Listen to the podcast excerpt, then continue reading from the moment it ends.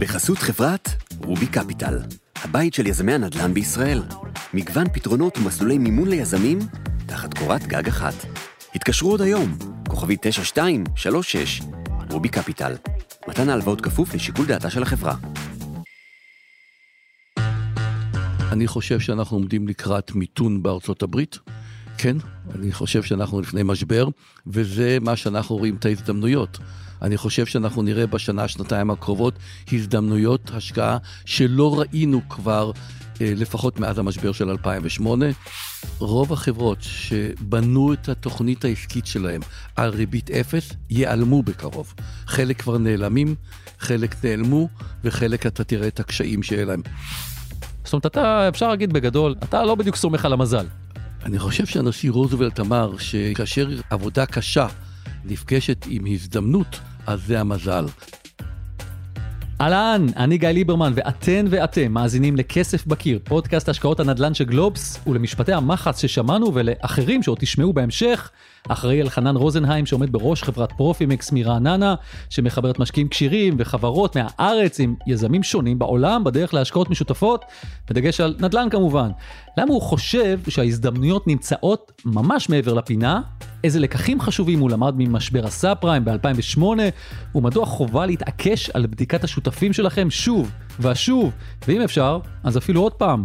לפני שנתחיל, אני חייב להדגיש, אלחנן בביזנס הזה כבר עשרות שנים, ולדעתי יש לו זווית ייחודית על השווקים, על המצב הנוכחי, וגם כמה תחזיות מאוד מעניינות. עם זאת, עצם הבחירה לארח אותו אצלנו בפודקאסט אינה אומרת שאנחנו ממליצים להשקיע באמצעות פרופימקס או באמצעות כל חברה אחרת, ואחרי שאמרתי את זה, אלחנן, אהלן, יאללה, בוא נכיר אותך. היי, אני אלחנן רוזנהיים, אני מנכ"ל ומייסד של פרופימקס, ואני גר ברעננה, נשוי עם שלושה ילדים. כולם גדולים ושבעה נכדים. פרופימקס היא חברת בת של במברגר רוזנהיים, שנוסדה ב-1969. אנחנו חברה ותיקה, מעל 50 שנה בביזנס. אה, כאשר הותר לישראלים אה, להשקיע מחוץ לישראל, כאשר כל חוקי מטבע חוץ בוטלו ב-1997. אה, התחלנו את הפעילות שלנו של השקעות אלטרנטיביות מחוץ לישראל. אני חייב לספר שאותך אלחנן פגשתי אי שם ב-2008 או 2009, נכון? הייתי אז כתב נדל"ן צעיר, ומי שהציע לי להיפגש איתך היה אריק מירובסקי שלנו. שלום וברכה גיא. שאנחנו מכירים מפינת הפרשנות פה בפודקאסט שלנו. כמו עכשיו, גם אז נסעתי לרעננה, זה עוד היה במשרדים הקודמים שלכם, באחוזה. אני זוכר את הרצינות והעומק שבהם דיברת בכל הנוגע להשקעות נדל"ן ובכלל. ולמה אני מזכיר את זה? הנה אתה צוחק פה, כי אני לא מכיר הרבה חברות כמוכם שנמצאות כל כך הרבה שנים בתחום ושגם מייצגות מתווה מאוד מסוים של השקעות. לאורך השנים שמענו על חברות רבות שנעלמו, לעיתים בדרכים לא הכי מוצלחות, ואני אשמח שאולי נתחיל בדרך שלכם. מה בעצם מנחה אתכם בהשקעות? אני חושב שהדרך שלנו היא מאוד ברורה, אני חושב שאחד הדברים הכי חשובים בכלל בהשקעות זה יושרה, הגינות אה, ושקיפות. אנחנו עושים את זה כבר אה, מעל רבע מאה. אה, אתה אמרת, היו חברות, אני יכול להבטיח לך שיהיו עוד חברות שתשמעו ותקראו עליהן גם אצלך בעיתון. כואב הלב על כמות ועל היקף התרמיות שקורות בענף הזה של השקעות נדל"ן מחוץ לישראל. מה אתם עושים בפרופימקס שאתם כבר עשרות שנים מלווים משקיעי נדל"ן? אני ניהלתי חברה לייעוץ פיננסי בארצות הברית הרבה מאוד שנים, חזרתי לארץ ב-1979 והצטרפתי לחברה המשפחתית אה, שלנו. אה, אני יודע דבר אחד, נדל"ן זה ידע מקומי וידע סקטוריאלי. אין סיכוי למשקיע ישראלי למצוא אה, וליזום השקעות נדל"ן טובות מחוץ לבית שלו, מחוץ לישראל. ולכן מהיום הראשון אנחנו חיפשנו שותפים מקומיים שנוכל להשקיע לצידם. אנחנו בשלושים שנה האחרונות בדקנו מעל אלף חברות נדל"ן אה, בעולם, רובם בארצות הברית. זאת אומרת לא אלף עסקאות, אלף חברות. אלף חברות. אלף חברות נדל"ן, אה, יזמי נדל"ן, אה, חלקם מהגדולים והמכובדים ביותר בעולם. אה, החברה, מתוך אותם מעל אלף, אנחנו עובדים היום עם 19 שותפים מקומיים, שכל עסקה ועסקה שהם עושים, הם חייבים לתת לנו אפשרות להשתתף יחד איתם. אני חושב שזה אחד מסודות ההצלחה שלנו. ב-2019 אנחנו בדקנו כמה עסקאות השותפים שלנו בדקו. הם בדקו מעל ששת אלפים עסקאות, נכנסו לצוות של האנליסטים, של אותם 19 שותפים שלנו. מתוך אותם כששת אלפים עסקאות, הם אישרו 32 עסקאות. מתוך אותם 32, אנחנו אישרנו 23 השקעות. זאת אומרת, יש מערכת סינון שאין לאף אחד היום במדינת ישראל. אתה מדבר על זה שאתם מסננים המון. זה אומר שאתם בעצם משקיעים משאבים אדירים, אמרת לי שיש לכם היום קרוב ל-50 עובדים, או סדר גודל של 50 עובדים, זה אומר שחלק גדול מהפעילות שלכם זה בכלל לסנן עסקאות, זאת אומרת, רק לשלול עסקאות שלא, שאתם בכלל לא מתכוונים להגיע לא, אליהן? לא, לא, לא, ממש לא. אוקיי. עיקר העבודה שלנו זה לסנן שותפים פוטנציאליים. כמו שאמרתי לך, אנחנו בדקנו מעל אלף חברות נדל"ן לא ישראליות, להשקיע ביחד איתם. זה תהליך שלוקח לנו כשנה. יש לנו שלושה אנשים היום בארצות הברית שעובדים בשבילנו בנושא הזה, יש לנו צוות של אנליסטים פה אצלנו.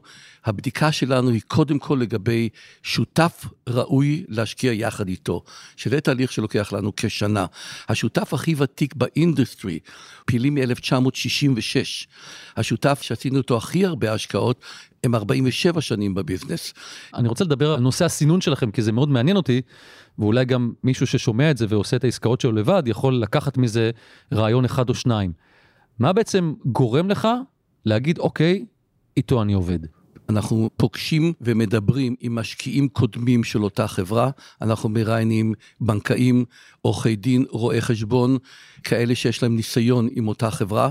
הרבה מאוד אחרי מספר פגישות, או אפילו לפעמים אחרי שיחה אחת או שתיים, אנחנו מחליטים to abort ולא להמשיך הלאה עם אותו אה, שותף. אחד הדברים החשובים ביותר שלנו, זה קודם כל יושרה ולראות את הטראק רקורד של אותו שותף. אבל תגיד, אני רוצה לשאול אותך, זה מאוד קשה, אני חושב על זה, אוקיי, השקעת מאמצים, בטח בחו"ל, אני מדמיין לעצמי, לא יודע, אולי היום זה יותר פשוט עם זום וכאלה, אבל בעבר בטח אה, אה, אה, נסעתם לחו"ל וכל מיני דברים, זאת אומרת, יש פה השקעה כספית ושל זמן, השקעה גדולה מאוד, ואז לבוא ולהגיד, אוקיי, איך אתה אומר? אה, to abort. אה, אה, איך אתה מקבל את ההחלטה הזאת? אתה בעצם עכשיו, אה, אה, אה, לא יודע, השקעת בזה עשרות אלפי שקלים או דולרים, ואתה מחליט לבטל.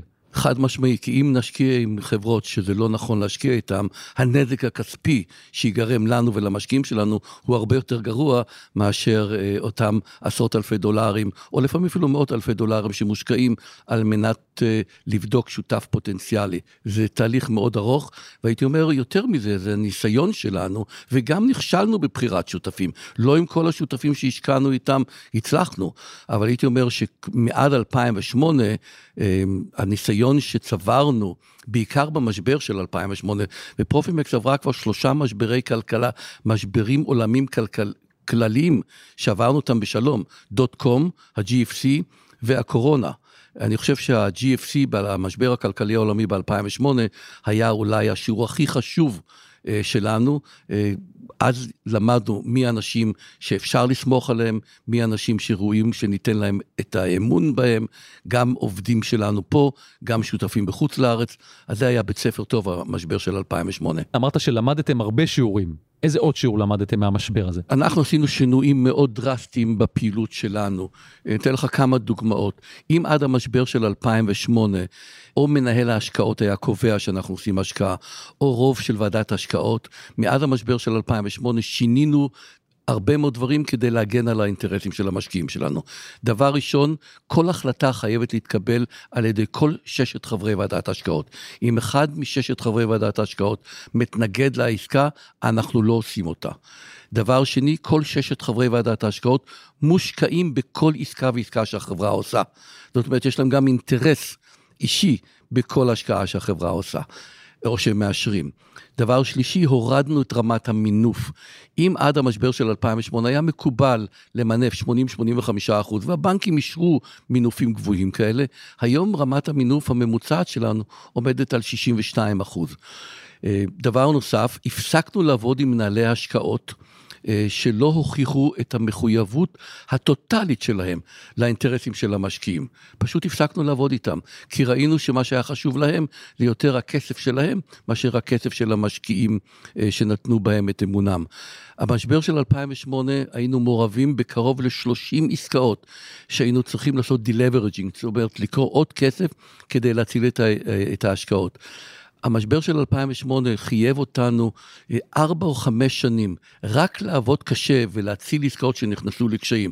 לא הסתכלנו קדימה, לא ניצלנו את, באותו זמן את רוב ההזדמנויות שהיו בשוק כדי להיכנס, אלא עבדנו כדי להראות למשקיעים שאם הם נותנים בנו את אמונם ואת כספם, אנחנו לא נשאיר אותם בודדים.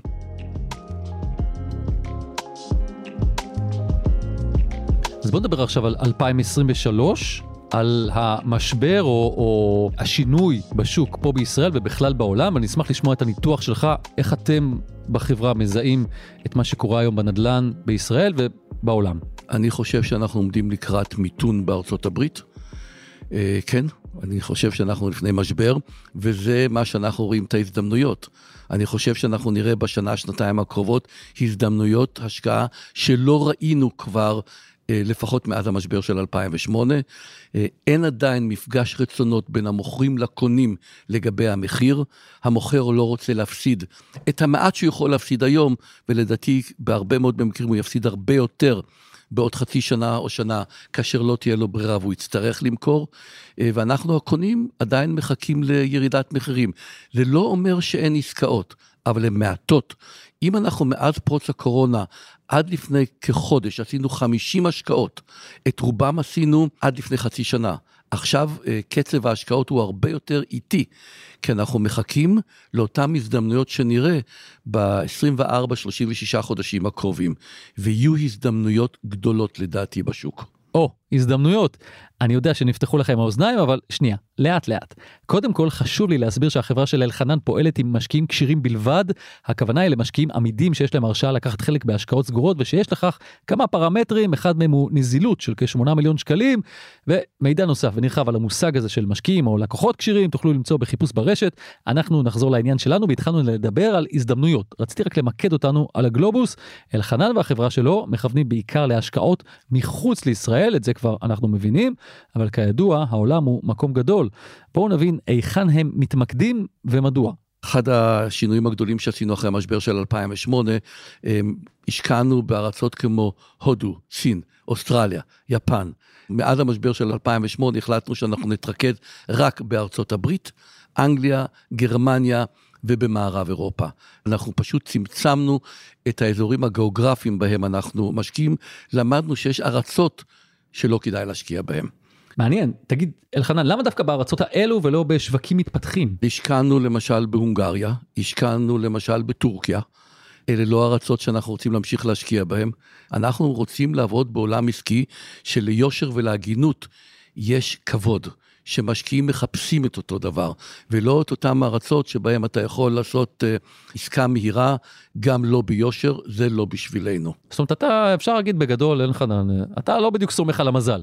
אני חושב שהנשיא רוזוולט אמר שכאשר עבודה קשה נפגשת עם הזדמנות, אז זה המזל. אה, לא, אני לא סומך על המזל. וכמו שאני כתבתי ספר לגבי uh, מדריך להשקעות נדל"ן בחוץ לארץ, אני אומר, אפשר לפעמים להפסיד בגלל מזל רע, וגם אנחנו uh, עומדים עכשיו בפני כמה עסקאות לא טובות. קנינו בנייני משרדים uh, לפני המשבר של הקורונה. Uh, עולם המשרדים הוא היום עולם מאוד מאוד בעייתי. ירידות המחירים בענייני משרדים, אתה רואה עד כ-60-70 אחוז ירידה בשווי בנייני אה, משרדים. אין יום שאני לא קורא על אה, בנקים שלוקחים נכסי אה, משרדים מהבעלים, אם זה במנהטן, אם זה בסן פרנסיסקו, אם זה ביוסטון, בכל העולם, בעולם שאנחנו נמצאים בו. אז עולם המשרדים הוא מאוד מאוד בעייתי. אנחנו נמשיך הלאה להשקיע, אנחנו עושים הרבה מאוד השקעות אה, ב multifamily. השקעת ה multifamily הראשונה שעשינו הייתה ב-2002. אני חושב שאנחנו כבר עברנו את ה-100 אלף יחידות multifamily אה, שאנחנו מושקעים בהן. לוגיסטיקה זה גם ענף שאנחנו משקיעים בו הרבה. עסקת הלוגיסטיקה הראשונה עשינו ב-2004, אז יש לנו ניסיון מאוד גדול בלוגיסטיקה, במולטי פמילי. יש לנו שותף שההתמחות שלו זה Life Science Building, ועם פרוץ הקורונה עשינו מספר השקעות ב-Life Science Building, שהניבו תשואות פנומנליות למשקיעים שלנו. אז יש מספר, אבל שוב, אנחנו מסתכלים על השותף, וכאשר הוא מחליט לעשות עסקה, ומערכת הסינון שאתה שאלת אותי, מערכת הסינון הראשונית היא לא אצלנו, היא אצל השותפים שלנו. ורק אחרי שהשותף שלנו מחליט לעשות עסקה, רק אז זה עובר לוועדת ההשקעות שלנו. רק אני רוצה להסביר, או שאתה תסביר, כשאתה מדבר על שותפים, לרוב השותפים הם אלה שמבצעים את עיקר ההשקעה, ואתם מצרפים את המשקיעים שלכם להיות בעצם שותפים שלהם, שותפים יחסית אה, זוטרים, נכון? כשאתה אומר זוטרים, אה, אה, א', אנחנו משקיעים עשרות מיליוני דולרים בעסקאות, אז זה לא כל כך זוטר. אה, אנחנו גם היינו 90 אחוז לפעמים באקוויטי של עסקה, אם העסקה היא לא גדולה, והאחוז הכי קטן שהשתתפנו בו זה היה 8 אחוז בעסקה של 1.5 מיליארד יורו. סכומי השקעה, הסוויט ספוט שלנו זה בין 7 ל-15 מיליון דולר. קח אותי שנייה אחת לתוך החדר הזה של ועדת ההשקעות, זה תמיד מעניין אותי. כי לפעמים זה נשמע כאילו המשחק מכור מראש. יש לי בעיה להכניס אותך לחדר הזה, כי אני לא חבר ועדת השקעות. אבל אתה תוכל בשמחה רבה, אנחנו נזמין אותך לוועדת ההשקעות שלנו כצופה. איך מתנהל דיון שם? אני רוצה להסביר למה אני לא חבר ועדת השקעות. אם אני מתלהב ממשהו, כולם רואים את זה. אני לא רוצה להשפיע. לכן אני לא חבר ועדת ההשקעות, אבל יש לי זכות וטו. אם כל חברי ועדת ההשקעות מאשרים עסקה, לי יש זכות וטו, אז זה עובר אליי. פעמיים בהיסטוריה שלנו, מאז המשבר של 2008, אני לא אישרתי עסקה שוועדת ההשקעות אישרה, ואני טעיתי. זאת הייתה עסקה מצוינת, אבל זאת הייתה השמרנות שלי. אה, יש לי שיער שיבה, שיער שיבה מביא איתו ניסיון רב שנים, ואני גם שמרן מטבעי. אוקיי, אז ככה בחברה של אלחנן מאשרים עסקאות, אני חושב שמה שכל אחד מהמאזינים צריך לקחת מכאן, זה את ההשקעה העצומה בבדיקת העסקה מראש. אתם מכירים את זה שלפעמים אנחנו נגררים אחרי תחושות בטן, אולי מצרפים להן כמה נתונים, ואז יש לנו משהו כזה יפה מול העיניים. פה אנחנו מדברים עם אדם שמציג את ההפך הגמור, תבדקו, תבדקו ושוב תבדקו, זה המוטו. אוקיי, אנחנו מתקדמים. אלחנן, בוא נדבר על ריביות. בוא נדבר על סביבת הריבית. אה, אנחנו נמצאים בנקודת זמן שאנחנו מקליטים את הפרק הזה, אנחנו אחרי העלאת ריבית נוספת בארצות הברית, שאם אני זוכר נכון את הכותרות, זה רמת הריבית הגבוהה ביותר ב-22 השנים האחרונות. לפני כמה ימים העלו את הריבית באנגליה, וגם בישראל הריבית, אה, כולנו יודעים, אה, אנחנו אחרי 10 או 11 העלאות ריבית רצופות, שהפעם האחרונה שהייתה החלטת ריבית, הוחלט בעצם לא לשנות את הריבית. לאן אנחנו הולכים והאם זה המצב הראוי? כי אני יודע, מה זה אני יודע? יש קולות שאומרים, תקשיבו, זה המצב הטבעי, מה שקרה פה בשנים האחרונות, אחוזי הריבית האפסיים, זה היה המצב הלא טבעי. איך אתה מנתח את המצב? חד משמעי, אה, סביבת ריבית אפס לא בריאה לכלכלה. לא הייתה בריאה על עולם העסקים. תסביר לי למה, כי העולם העסקי די התפתח פה בעשור האחרון. רוב החברות שבנו את התוכנית העסקית שלהם על ריבית אפס, ייעלמו בקרוב. חלק כבר נעלמים, חלק נעלמו, וחלק אתה תראה את הקשיים שיהיה להם. זה לא בריא ריבית אפס. ריבית אפס זאת אומרת שאתה ראית כל כך הרבה, אני מדבר רק מה שקורה בישראל, ראית כל כך הרבה שחקנים ישראלים, שהיה להם פספורט וסבתא בפילדלפיה, והם החליטו שהם יכולים לגייס כסף בישראל ולהראות תוכניות עסקיות שהיו מנותקות מהמציאות. אם הריבית לא תהיה אפס, ועכשיו הם נפגשים עם ריבית שהיא לא אפס. אם נגיד את זה בצורה הכי ברורה, אתה צופה שחברות נדל"ן, יזמים, יקרסו בשנה, שנתיים הקרובות. לא רק הם, גם בנקים. אני חושב שהריג'ונל בנקים שנתנו את התיקים שלהם לנדל"ן, אתה תראה עוד בנקים, הרשימה כבר התחילה.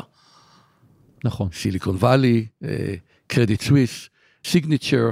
אני רוצה לשאול אותך, קצת נבואות זעם מה שאתה משמיע פה. אם אני עכשיו בן אדם שהוא לא משקיע כשיר, ואני רוצה להשקיע בנדל"ן, לא הלקוח הקלאסי שלך, מה אני אמור לעשות בימים האלה? אני גם אמור לחכות, אני אמור, לאיפה כדאי לי להסתכל, או על איזה שווקים מעניין אותי להסתכל? תראה, אז קודם כל נחזור אה, למסורת היהודית שלנו.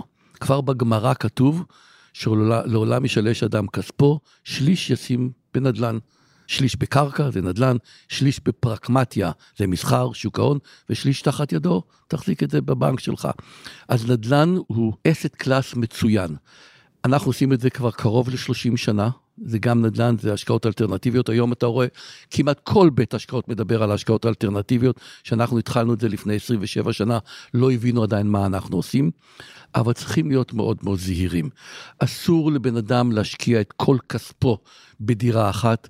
חשוב מאוד לעשות diversification, לעשות פיזור בין סוגי נכסים שונים. הארי מרקוביץ', שהוא אה, נפטר לפני חודש, קיבל את פרס נובל לכלכלה על איך לבנות תיק יעיל. חשוב מאוד להסתכל על הנושא הזה, לעשות השקעות שהן לא קורולטיביות במספר נכסים שונים. גם בתוך נדל"ן צריך לעשות פיזור. אז אם יש לבן אדם 100 אלף דולר או 200 אלף דולר, ההצעה שלי לא ללכת ולקנות דירה או בית מחוץ לישראל. זה מסוכן מדי. כל כך הרבה מקרים אתה רואה ושומע ואתה תשמע בעתיד של אנשים שנכשלו. אז היום רצים וקונים בתים בקפריסין, ביוון, בפורטוגל. אנשים אומרים, אני רוצה שיהיה לי בית אם חלילה וחס יקרה משהו לא טוב בארץ. ולכן אני חושב שזו לא החלטה נכונה ובריאה ללכת ולקנות בית בחוץ לארץ רק כדי שיהיה מקום מפלט. ואם זה כעסקה כלכלית טובה, הרבה אנשים רואים את זה כעסקה כלכלית, לאו דווקא כמקום מפלט. 2-3 אחוז ריבית? זה מה שהיום מקבלים בדירות מגורים? אז פה אני רוצה לשאול אותך, כי זו שאלה שאני תמיד תוהה עם עצמי, ואנחנו אירחנו פה לא מעט אה, משקיעים, גם פרטיים. מה נחשב אחוז תשואה שאגיד לעצמי, אוקיי, עשיתי פה עסקה טובה, לאורך שנים. מה, מה, מה זה? זה 4, זה 7, זה 10? על מה אני צריך להסתכל? תן לי איזה בנצ'מרק, כמישהו שראה דבר או שניים בימי חייו. אז לגבי נושא של תשואה, אני חושב שכן מותר לי להגיד לך, שאנחנו, פרופמקס לא מרוויחה אלא רק אחרי שהמשקיע קיבל את כל כספו פלוס 8% לשנה. זאת אומרת, אנחנו רואים את הבנצ'מארק חייב להיות מעל 8% לשנה. כי אם אנחנו לא נביא למשקיע את, את המינימום של החזר מלוא ההשקעה פלוס 8%, אנחנו לא נרוויח. אבל התשואות היום בנדל"ן צריכות להיות דו-ספרתיות כדי להצדיק את ההשקעה. אני רוצה עוד פעם להתעכב על הנקודה הזאת. עכשיו אני מוצא איזושהי עסקה, ואני עושה את כל החישובים שלי ואני רואה שלאורך שנים היא תיתן לי משהו כמו 7-8 אחוזים. זה משהו שכדאי לי ללכת עליו? זה מצדיק את ההתעסקות שלי בזה? קשה לי לענות, אנחנו לא היינו נכנסים לעסקה שתיתן 7 או 8 אחוז. לא בשביל זה אתה מוותר על הנזילות. ויתור על הנזילות חייב לתת לך פרמיה על האי נזילות. זה סיכון, הסיכון הוא אי נזילות. ולכן גם אנחנו אומרים אצלנו, אצל כל מי שעושה השקעות אלטרנטיביות, אסור לבן אדם, אסור למשקיע להביא את הכסף האחרון שלו. מותר לו להשקיע כספים שהוא לא יהיה זקוק להם. באים אלינו משקיעים שלא זקוקים לכסף מיידית בארבע, שש, שבע שנים הקרובות, מוכנים לוותר על הנזילות, ולכן הם מקבלים פרמיה מאוד מאוד יפה. תגיד להם שאם הם לא זקוקים לכסף שיביאו אותו אליי, אני גם מסתדר איתו מצוין. איזה ריבית אתה נותן? לא סתם שיביאו לי. אלחנן, מה עוד אתה יכול ללמד אותנו על, על השקעות ש... שאנחנו לא יודעים? יש ניתוחים מאוד יפים לגבי הנושא של כישורי מנהלים. שני דברים מאוד חשובים. וורן באפט אמר, שאתה רוצה להשקיע עם אנשים, תחפש אצלם שלושה דברים. יושר, מרץ ואינטליגנציה. אם לא תמצא את הראשון, את היושרה, שני אחרים יהרסו אותך. אז תלכו תמיד לאנשים, תבדקו את הרקע של האנשים, תבדקו מה הטראק רקורד שלהם, בעיקר בעת משבר, תבדקו על ההיסטוריה שלהם. היום דרך האינטרנט אפשר לבדוק כל כך הרבה אינפורמציה לגבי משקיעים. אז זה דבר אחד. דבר שני, יש בדיקות שנעשות באופן תמידי. בארצות הברית על כישורי מנהלים, ובדקו, יש חברה שבודקת את כישורי המנהלים, ומנתחים את אותם מנהלים שנמצאים בטופ קוורטל, לעומת המנהלים שנמצאים בקוורטל השלישי, לא הכי גרוע. הפרש התשואה שהמנהלים בטופ קוורטל מניבים לעומת המנהלים שנמצאים ב-third קוורטל הוא 17.3% לשנה. הבדל בתשואות. דבר נוסף שאני למדתי בשלושים שנה שאני עוסק בזה, זה אין דבר כזה שוק נדל"ן. מי שאומר כדאי לך להשקיע בשוק הזה כי זה שוק עולה, אז יש פתגם באנגלית, fools rush in where angel fear to tread. אז אנחנו רצנו להודו לפני המשבר של 2008, בוועידה הכלכלית העולמית בדאבוס ב-2007, דיברו על הודו כמדינה שכדאי ללכת אליה. 300 מיליון איש הולכים להיות מעמד ביניים, המדינה תיתן משכנתאות לקנות דירות, גם אנחנו השקענו שם, קרוב ל-80 מיליון דולר. איזה טעות נוראית זאת הייתה, אם כי המשקיעים שלנו בקרן בהודו, אני, לא יפסידו כסף, אבל הרופי איבד כמעט 50% מהערך שלו. אז לא משנה מה אתה מרוויח ברופי, זה אותו דבר דרך אגב בטורקיה. בהשקעות שעשינו בטורקיה, הלירה הטורקית הפסידה הרבה מאוד כסף. אז לכן למדנו את השיעור שלנו, Don't rush איפה שכולם רצים, צריך להיות מאוד מאוד זהירים. אה, למשל, שאומרים השוק במנהטן, אין דבר כזה שוק במנהטן, או שוק ה multifamily, אין דבר כזה שוק multifamily. במנהטן יש 36 תתי שווקים שכל אחד מתנהג בצורה אחרת. multifamily תלוי באיזה מדינה. צריך, אתה רוצה להשקיע ב multifamily במדינות בהם יש הגירה חיובית. טקסס, פלורידה, אתה לא רוצה להשקיע במדינות שבהן יש הגירה שלילית. אלה דברים שכל הזמן אנחנו בודקים אותם. אלחנן רוזנהיים, פרופימקס, אני מאוד מאוד מודה לך שתכלס, אתה אירחת אותי, אני במשרד שלך פה ברעננה, תודה רבה. תודה רבה, ושוב אני חוזר אה, ואומר, אנחנו מוכנים לעזור. כתבתי מדריך. המדריך הזה מתאים לכל אחד שרוצה להשקיע, אנחנו נותנים אותו חינם. איפה מוצאים ו... אותו? אצלנו, אנחנו תמיד נותנים אותו, זה מדריך להשקעות נדל"ן בחוץ לארץ, כל אחד יכול לקבל אותו ללא כל עלות כספית, זה חלק מהחובה שלנו בתור חברה מובילה לעזור לאנשים שמשקיעים לעשות דברים בצורה נכונה. אוקיי, תן לי אחד לפני שאני יוצא מפה. בטח. אלחנן, תודה רבה לך. תודה רבה, ואני מקווה שזה פעם הבאה שניפגש לא ייקח כל כך הרבה זמן כמו מהפעם שעברה שנפגשנו. עד כאן אלחנן רוזנהיים, שבאמת צייד אותי בערימת ניירות לפני שיצאתי מהמשרדים שלהם. אני מצידי הענקתי לו מגנט למקרר של כסף בקיר. כן, היה לי אחד כזה בתיק. כעת אנחנו עוברים לפינת הפרשנות שלנו עם פרשן הנדל"ן הבכיר של גלובס, אריק מירובסקי. אהלן אריק. שלום וברכה גיא. היום אנחנו מארחים מישהו שאתה מכיר כבר אה, לא מעט שנים, את אלחנן רוזנהיים, אני ישר רוצה לשאול אותך, אלחנן מציג אה, וחוזר כל הזמן על, על העניין הזה של אה, לבחור שותפים או בכלל מקומות ואנשים לעבוד איתם, שהדגש שלו זה על יושרה. ואני בטוח שאתה לא תתנגד לזה, אבל אשמח לשמוע קצת אה, מהזווית שלך, עד כמה זה חשוב, אולי יש לך אפילו איזה דוגמה אחת או שתיים. תראה, אלחנן, הייחוד שלו הוא שהוא מומחה גדול באיתור שותפים. ואני יכול להגיד. אלחנן הוא מהמומחים הגדולים בתחום הזה במדינה, והוא גם אה, יודע יפה מאוד את משמעות היושרה. ואני חושב שיש לא מעט דוגמאות שגם שוחחנו עליהן, על השקעות של ישראלים בחו"ל, שבסופו של דבר התברר שבמקרה הטוב היה שם אי הבנה ובמקרה הרע משהו שהוא על גבול הפלילי ואולי גם חוצה את הפלילי.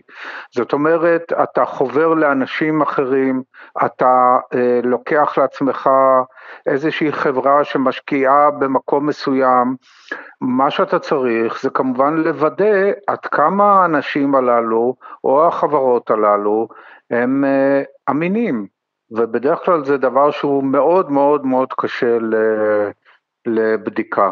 תשמע, דבר שני שהוא מדבר עליו, והוא בעצם מייצג אה, את הגישה הזאת, הוא מאוד שמרן. הוא גם מעיד על עצמו, הוא מספר גם על אה, שתי השקעות שהוא התנגד עליהן, ובסופו של דבר כן אה, היה כדאי שהיו מתבצעות. עד כמה זה חשוב לדעתך להיות שמרן, ואולי גם באיזה שלב זה חשוב בחיים, כי לפעמים אנחנו יודעים, מי שלא מעז, גם לא, לא יצליח. זה הרבה תלוי בשלב שלך בחיים, האם אתה צעיר או מבוגר, וזה הרבה תלוי גם בכמה כסף אתה שם, ואלחנן ציטט את האמירה, ואנחנו מכירים את זה שעדיף אה, להשקיע בסל השקעות ולא לשים את כל הכסף על אה, השקעה בודדת אחת.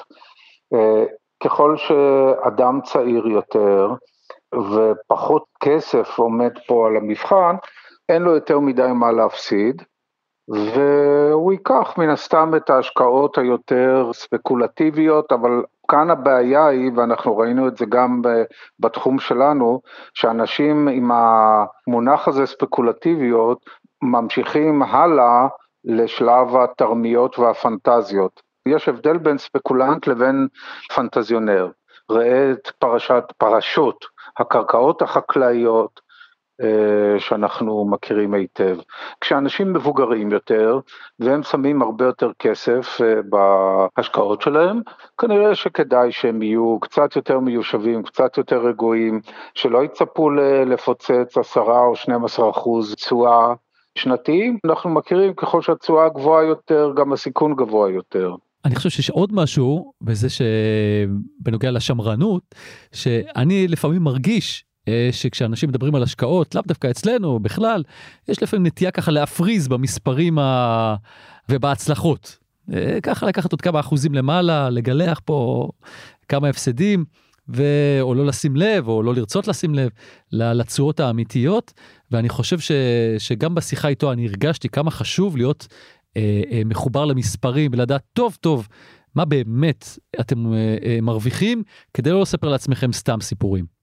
הרבה פעמים באמת אה, אנשים, אנשים קשה להם אה, להודות בכישלונות, והם מנפחים מספרים.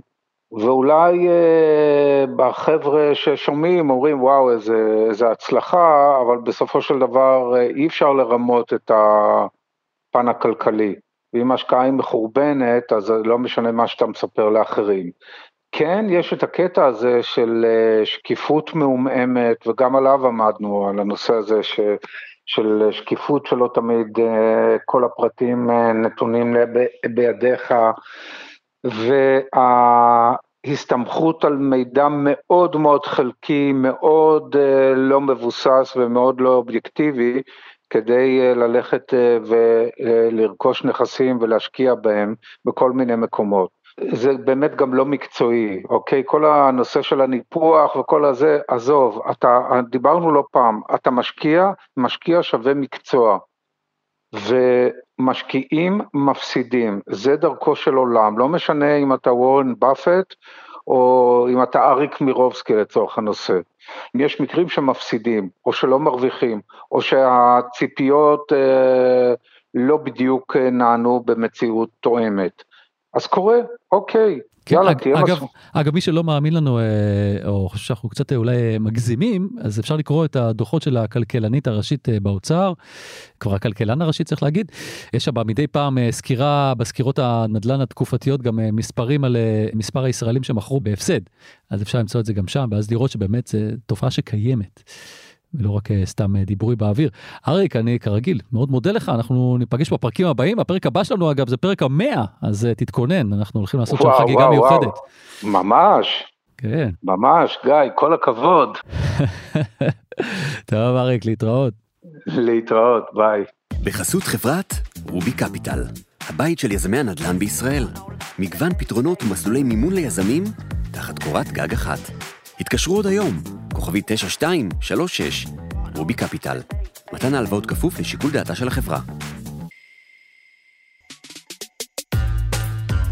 זהו, עד כאן הפרק שלנו להיום, ונזכיר שעשרות פרקים מעולים נוספים שלנו זמינים לכם בכל אפליקציות הפודקאסטים. כרגיל, אם תרצו לפנות אליי בכל נושא וגם לשתף בסיפור ההשקעה שלכם, דברו איתי. ניתן לפנות אליי בפייסבוק או בטוויטר, אפשר אינסטגרם, אפשר גם דרך כתובת המייל שלנו, כסף.בקיר, at גלובס.co.il, אותיות באנגלית כמובן. ניר לייס ערך את הסאונד והילה וייסברג היא עורכת הפודקאסטים של גלובס. תודה לאריק מירובסקי וכמובן לאלחנן רוזנהיים. רגע, קיבלתי כאן הודעה בוואטסאפ על עסקה בהזדמנות חד פעמית בעיר מרכזית בהודו. וואו, איזה אחוזי תשואה. רגע, אבל אלחנן אמר שמצד שני, טוב, אני אחשוב מה לעשות עם זה, או שלא. אני גיא ליברמן, ביי.